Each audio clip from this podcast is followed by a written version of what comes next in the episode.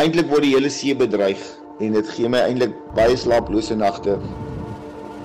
Die slagting in ons oseane is 'n komplekse probleem.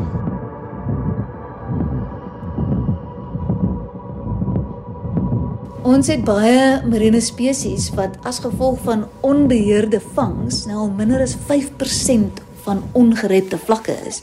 Jy soos perlemoen, kabeljou, rooi steenbras, daggeraad.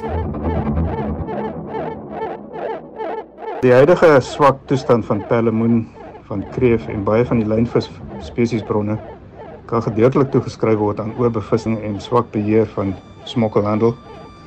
En die jaarlikse volhoubare vangste van perlemoen het byvoorbeeld gekrimp van 650 ton in die vroeë 90s tot skaars 50 ton vandag.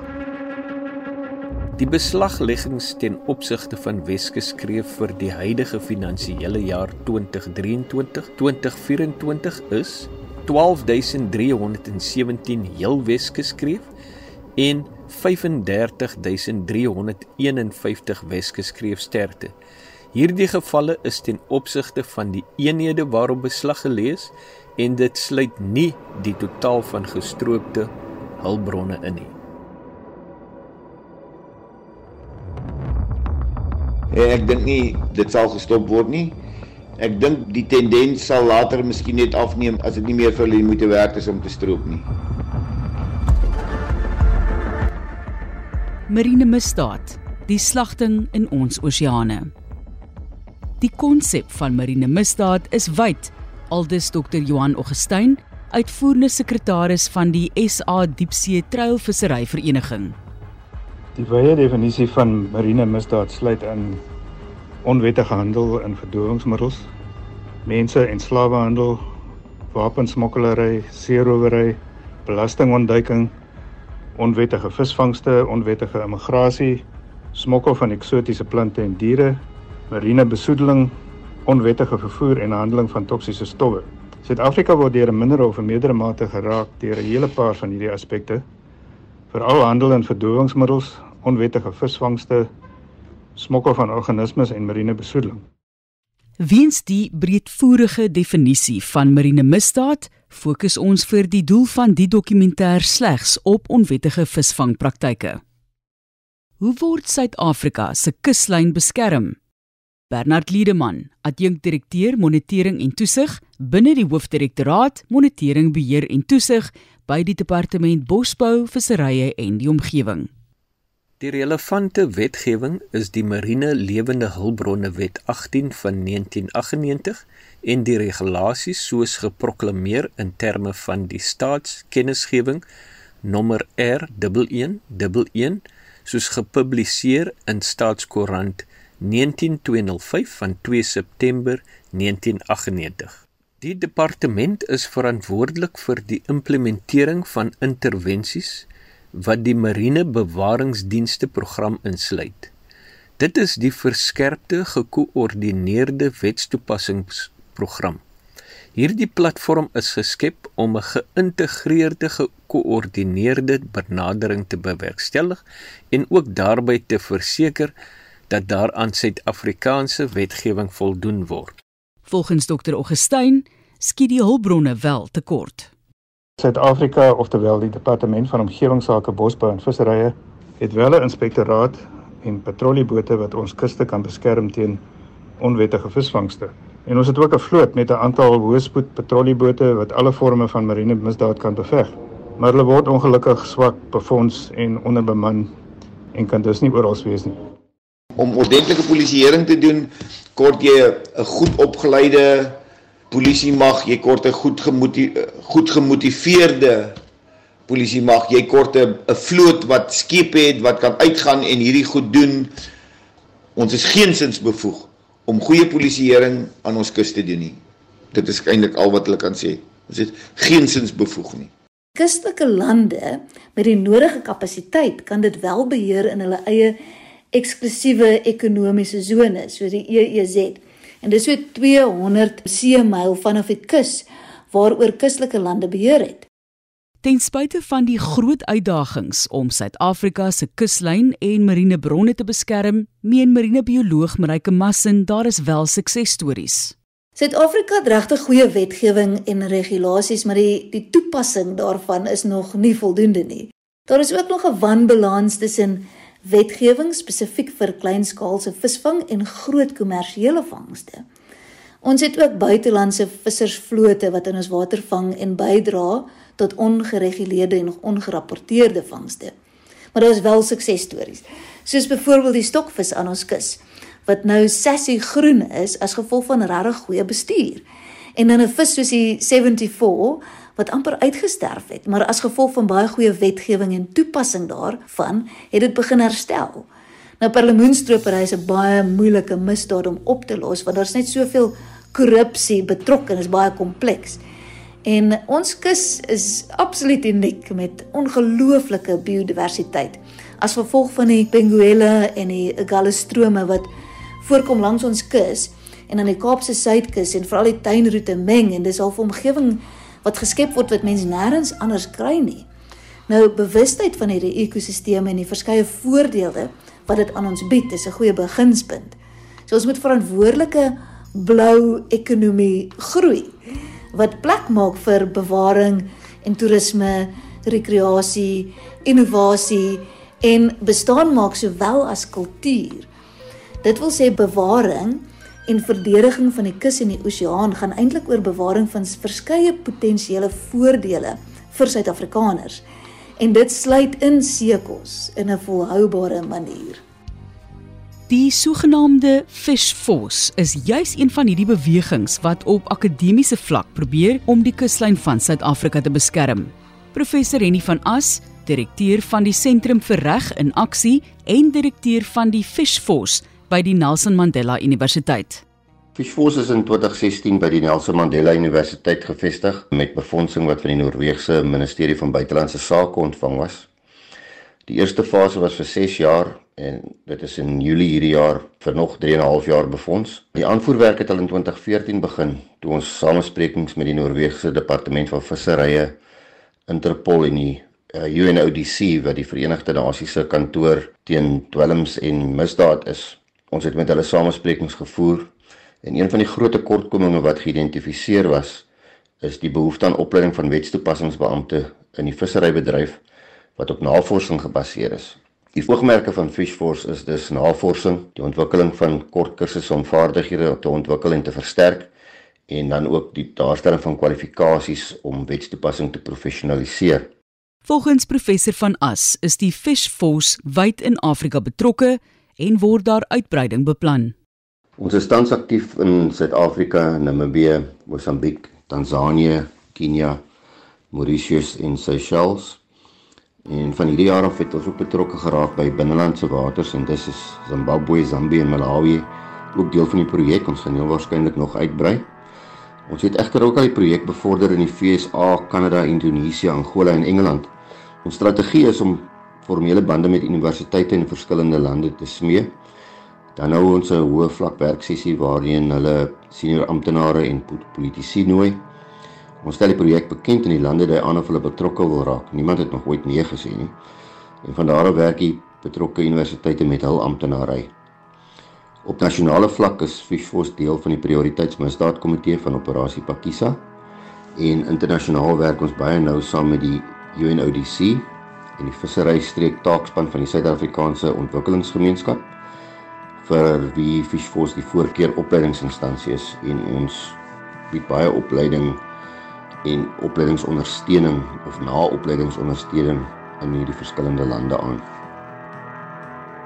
Navorsing deur die VN se Voedsel- en Landbouorganisasie beraam dat Suider- en Oos-Afrika jaarliks in die omgewing van 12,2 miljard rand aan onwettige en ongerapporteerde visvang verloor. Hulle skat verder dat 85% van visvoorrade wêreldwyd nou ten volle ontgin word en onwettige visvang is een van die hoofbydraers. Aldus the Daily Maverick en die SA Fish Force. Wie is verantwoordelik vir die stropery en wat word op grondvlak gesien? Marike Massin. Kommersiële kwotas vir perlemoen is omtrent 100 ton per jaar Dis nou vir wilde perlemoen. Maar volgens statistieke word meer as 2000 ton Suid-Afrikaanse perlemoen na Hong Kong uitgevoer per jaar en dit sluit geboorde perlemoen uit. Die aanvraag en prys vir Suid-Afrikaanse perlemoen bly hoog in die ooste. En georganiseerde misdaadring het verskeie lede van kustelike vissersgemeenskappe ingetrek om perlemoen te stroop in ruil natuurlik vir geld sowel as dwelms. Volgens Wilfred Chivel, uitvoerende hoof van Marine Dynamics Akademie, gaan die stropery onverstoord voort. Ja, stropery gaan aan soos dit die afgelope 20 jaar aangegaan het met verskillende fases van polisieering. Almal wat langs die kus woon van hier af tot seker in Kleinmond Betty's Bay, hulle weet almal dat die stropery net permanent aangaan. So in Gansbaai gaan dit nog aan, ja is daar baie baie minder perlemoen om te stroop absoluut. Maar gaan die stropery aan absoluut. En ten minste het ons die perlemoenplase hier wat werk verskaf en in daai sin die buitelandse mark kan voorsien. Nou op 'n kleiner skaal word daar ongelukkig ook baie ander spesies gevang wat of verbode is of lae kwotas het. En dit deur ontspanningsvissers sowel as die meer formele visvangsektor Suid-Afrika het nie die kapasiteit om die hele kuslyn of die EEZ te monitor nie. En dis kom baie mense daarmee weg om bietjie hier en 'n bietjie daar te vat en dit is saam met 'n groot impak op die marine ekosisteem. Daar is wel nou verskeie marine bewaringsareas, maar selfs die areas is moeilik om te beheer en dis is daar nog steeds baie gevalle van onwettige vangs. Wat Suid-Afrika ook meer kompleks maak, is dat mense se behoeftes sowel as die natuur in ag geneem moet word wanneer maatreëls in plek gesit word. Ons het verskeie historiese vissersgemeenskappe wat nou nie meer 'n bestaan kan maak uit die see nie, want ons marine hulpbronne is nou so laag. En sommige vissers moet oorleef en sal dan noodgedwonge visvang wat eintlik verbied is. Om die balans te vind is baie moeilik as mens sosiale omgewings en ekonomiese impakte probeer bestuur. Daar's baie rolspelers, van internasionale syndikaate met tentakels in baie lande tot plaaslike groepe misdadigers en bendes wat soms netwerke van smokkelaars beheer, visvangmaatskappye wat hulle kwotas oorskry en selfs die amateur hengelaars wat hulle vangs verkoop in die buurt pleeg eintlik misdade wat want dit is onwettig. I remember in 2008 standing on the bridge of the Steve Irwin as our helicopter pilot narrated each agonizing minute and second that it took for a minke whale to die on the end of a harpoon. Dit is die stem van die direkteur van veldtogte by Sea Shepherd, kaptein Pieter Hammerstead. 22 minutes and 48 seconds she struggled at the end of that harpoon. Sea Shepherd is bekend vir hul omgewingsbewaringsaktiwiteite. Hierdie is 'n uittreksel vanaf hulle YouTube-kanaal en stel hulle getuienis van onwettige visvangpraktyke bloot. What I see every single day in Africa is that suffering replicated thousands and hundreds of thousands of times over on the sharks who are bycatch, on the whales caught in nets, and on the fish that ultimately get thrown into the fish holes.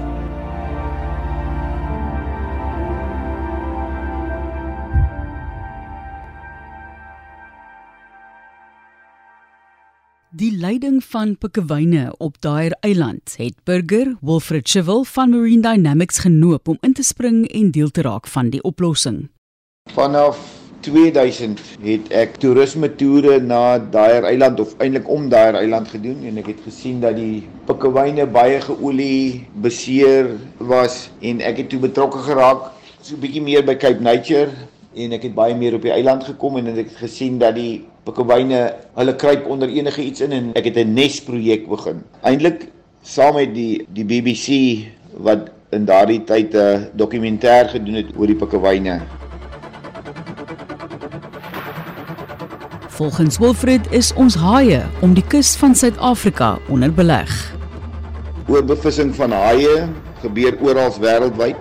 Kom maar as jy begin Google en regtig kyk, dan kan jy sien dit word gaan wêreldwyd aan. In Suid-Afrika is daar 'n drastiese oorbevissing van haie deur die die langlyn visserye vir die afgelope klomp jare. Byvoorbeeld hier waar ons 'n goeie bestaan maak om mense uit te neem om na haie te kyk, is dit vir ons baie kommerwekkend dat polisieering van hierdie visserye uiters swak is en dat daar vir jare lank al kwotas uitgegee is vir vir die langlynbedryf wat ook die klein kommersiële vissermanne baie seermaak. En uh, ja, hulle vang 10000 haie per jaar, elke jaar. En dan natuurlik word jou groot wit haie saam met hierdie gevang as 'n accidental bycatch. So word die groot wit haai bevolking heeltemal uitgewis.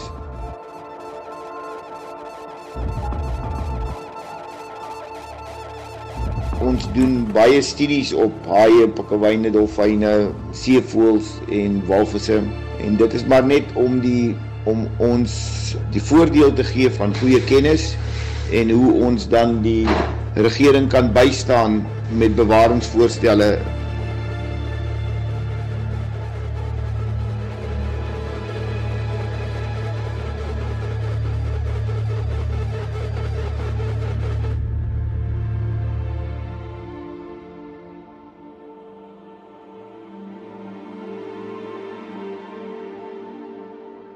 Ja, ek het juist toevallig nou baie onlangs deur wetgewing in IJsland gewerk en ek is nogal bekend met Europese wetgewing. En dit is baie soortgelyk as wat ons in Suid-Afrika het. Daar's gelukkig 'n groot bewustheid van marine hulpbronbeskerming en die waarde van verskeie marine hulpbronne sowel as die misdade in hierdie gebied. Nou die wêreldwye poging om marine stropery en verwante misdade te voorkom, berus op 'n baie komplekse netwerk van wetgewing en regulasies En internasionaal gesproke is daar sleuteldokumente en instellings soos die konvensie van die Verenigde Nasies se reg van die see wat 'n raamwerk gee vir die bewaring en volhoubare gebruik juis van marine hulpbronne. Nou streeksliggame soos die Europese Unie se gemeenskaplike visserybeleid en streeksvisserye bestuurorganisasies implementeer natuurlik maatreëls om onwettige, ongerapporteerde en ongeregistreerde visvang te bekamp. En daar benewens weet bemagtig inisiatiewe soos die ooreenkoms oor hawe state maatreëls lande om te voorkom dat onwettige vangs van vis hulle hawens binnekom. Watter rol kan seeboerderye in hierdie krisis speel? Seekosboerdery dra al meer as 50% van die totale hoeveelheid seekos wat verbruik word per jaar in die wêreld. So ja, dit is reeds 'n oplossing. Solank dit in 'n verantwoordelike en volhoubare manier gedoen word. Daar is baie wanpersepsies natuurlik oor seekosboerdery en die impak op 'n wilde vispopulasie in die omgewing, maar daar is nou al baie voorbeelde van volhoubare akwakultuur en sertifiseringsorganisasies soos ASC, die Aquaculture Stewardship Council, audit akwakultuurfasiliteite wêreldwyd om seker te maak die industrie bly volhoubaar. Dit is dus 'n goeie alternatief vir wilde vangs. In verband met voedselskaarsde dra dit binneland so varswater akwakultuur baie by, ehm um, veral in Afrika en in Afrika sien ons ook natuurlik die grootste groei in vispoer en dis wêreldwyd. Maar dis alles vir plaaslike verbruik. Volgens Marike Massin word nuwe tegnologie toegepas om hulpbronne te beskerm. Daar is ook baie tegnologiese vordering, soos byvoorbeeld satelliettoesig en vaartuigmoniteringstelsels en dit verbeter die handhawing van regulasies en en wetgewing en samewerkingspogings tussen lande, internasionale organisasies en nie regeringsorganisasies speel 'n baie belangrike rol om inligting te deel en vir die koördinasie van optrede en implementering van maatreëls juis om marine misdade en stroperye meer effektief te kan bekamp.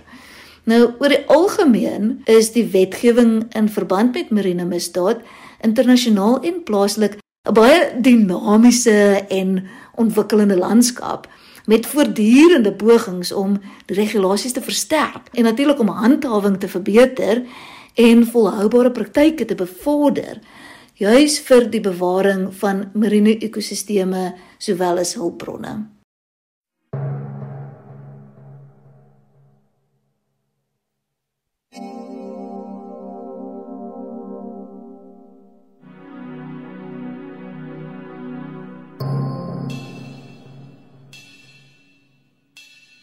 Is 'n projek aan die gang om skuiwergate in Suid-Afrikaanse wetgewing toe te stop en om dit te verbeter. Tansanië is redelik onlangs gedoen, Kenia is onlangs gedoen. Zambië word volgende jaar aangepak en ons is gevra om daarbey betrokke te raak. Een van die groot probleme wat in Suid-Afrika is, die magte wat aan visserybeamptes toegeken word. Hulle maak arrestasies maar dan dossier aan die polisie oorhandig. Partykeer hoor hulle nooit weer daarvan nie en dit veroorsaak dat hulle gedemoraliseer word. Hulle kan byvoorbeeld ook nie padblokkades hou nie en is van ander afhanklik om dit te doen. Dit werk nie altyd nie. Daar is ook te min polisiebeamptes wat georganiseerde misdaad behoorlik kan ondersoek, sowel as aanklaers wat spesialiseer in die vervolging van om, omgewingsmisdade. Nou moet die howe ook hulle rol speel. Verlede week of week voor dit is 'n korrupte vissery amptenaar en ons weet al lank van haar skuldig bevind aan korrupsie en sy is tot huisarrest gefonnis. Wat 'n boodskap dra dit oor? Arbeidswetgewing help ook nie juis nie. Die hele Gansbaai-stasie is in 2018 gearresteer omdat hulle saam met smokkelaars gewerk het. Daai saak is nou eers afgehandel.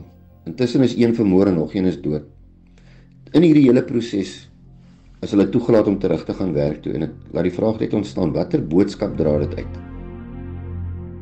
Professor Henny van As, direkteur van die Fishforce by die Nelson Mandela Universiteit.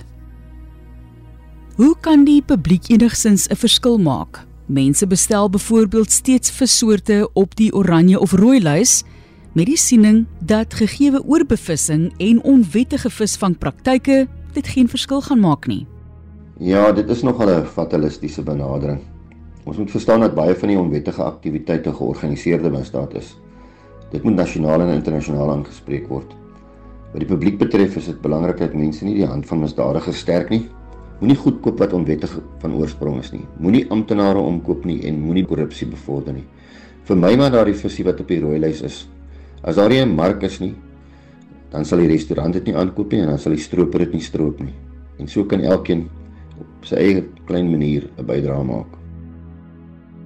Daar's baie mense wat dink, wat is die punt daarvan om 'n toepassing so sessie te gebruik om te sien of spesifieke vis gekoop mag word of watter vlak te lê? Sessie maak dit eintlik baie maklik vir enige persoon om direk by te dra om die oseaan te bewaar. Nou baie navorsing gaan daarin om vas te stel wat is die impak van vangs van baie spesies aan ons kus. En hierdie riglyne dra definitief daartoe by om seker te maak dat meer volhoubare spesies aangevra word deur verbruikers. Groot kettingwinkels veral het ingestem om net Sassy Groen of ASC MSC gesertifiseerde produkte te verkoop. En dit maak regtig 'n groot verskil. Ek dink dit is belangrik dat ons weet waar ons kos vandaan kom en wat die impak daarvan was of is. En baie van die sertifikasies kyk na sosiale sowel as omgewingsimpakte. Nou om seker te maak dat die produkte wat ons koop nie verkry word ten koste van mense of die omgewing. So die sessie verkeersligmodel is net so maklik om te volg en daar is alternatiewe vir die rooi en oranje spesies. Ek is seker dat niemand regtig daartoe wil bydra dat 'n spesies of 'n ekosisteem ineenstort nie. So Sessie gee vir ons daai geleentheid om 'n ingeligte en verantwoordelike keuse te maak. Marinebioloog Marike Massin, Dr. Johan Augustyn. Daar's ook ander baie meer komplekse sogenaamde eko-etikette, soos die Marine Stewardship Council se sertifisering van volhoubaarheid wat 'n groot rol speel op internasionale markte as hier by ons. Ons stokvisvissery is byvoorbeeld deur MSC gesertifiseer en dit kan dus aanbeveel word as 'n spesies wat met vrymoedigheid geëet kan word. Ek dink nie ons gaan gou wen nie, maar dit word regtig al hoe moeiliker gemaak vir die oortreders. Daar's 'n globale opwelling willing teen die stropery van die see se hulpbronne en verskeie ontwikkelende lande is deel van hierdie proses, sowel as internasionale organisasies soos Interpol, UNODC internasionale arbeidsorganisasie ensovoorts. Dit gaan oor voedselsekerheid en die vernietiging van die omgewing en dit geniet groot prioriteit op die internasionale verhoog.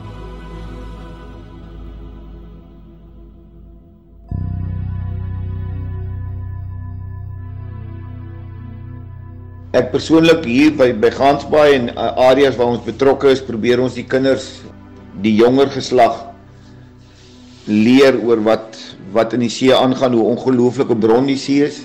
Miljoene mense moet ons net oortuig sodat hulle kan omgee. Net omgee vir die natuur, nie net vir die see nie, vir die natuur. So en vir mekaar.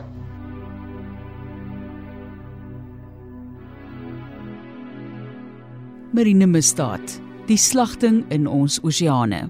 Met dank aan professor Henny van As, direkteur van die Sentrum vir Reg in Aksie en direkteur van die Fish Force by die Nelson Mandela Universiteit. Marinebioloog Marike Massin. Bernard Liedeman, adjunkdirekteur monitering en toesig binne die Hoofdirektoraat Monitering, Beheer en Toesig by die Departement van Bosbou, Visserye en die Omgewing Wilfred Chivel, uitvoerende hoof van Marine Dynamics Akademie, Christine Wessels van Marine Dynamics, Dr. Johan Augustyn, uitvoerende sekretaris van die SA Diepsee Treilvissery Vereniging en Sea Shepherd.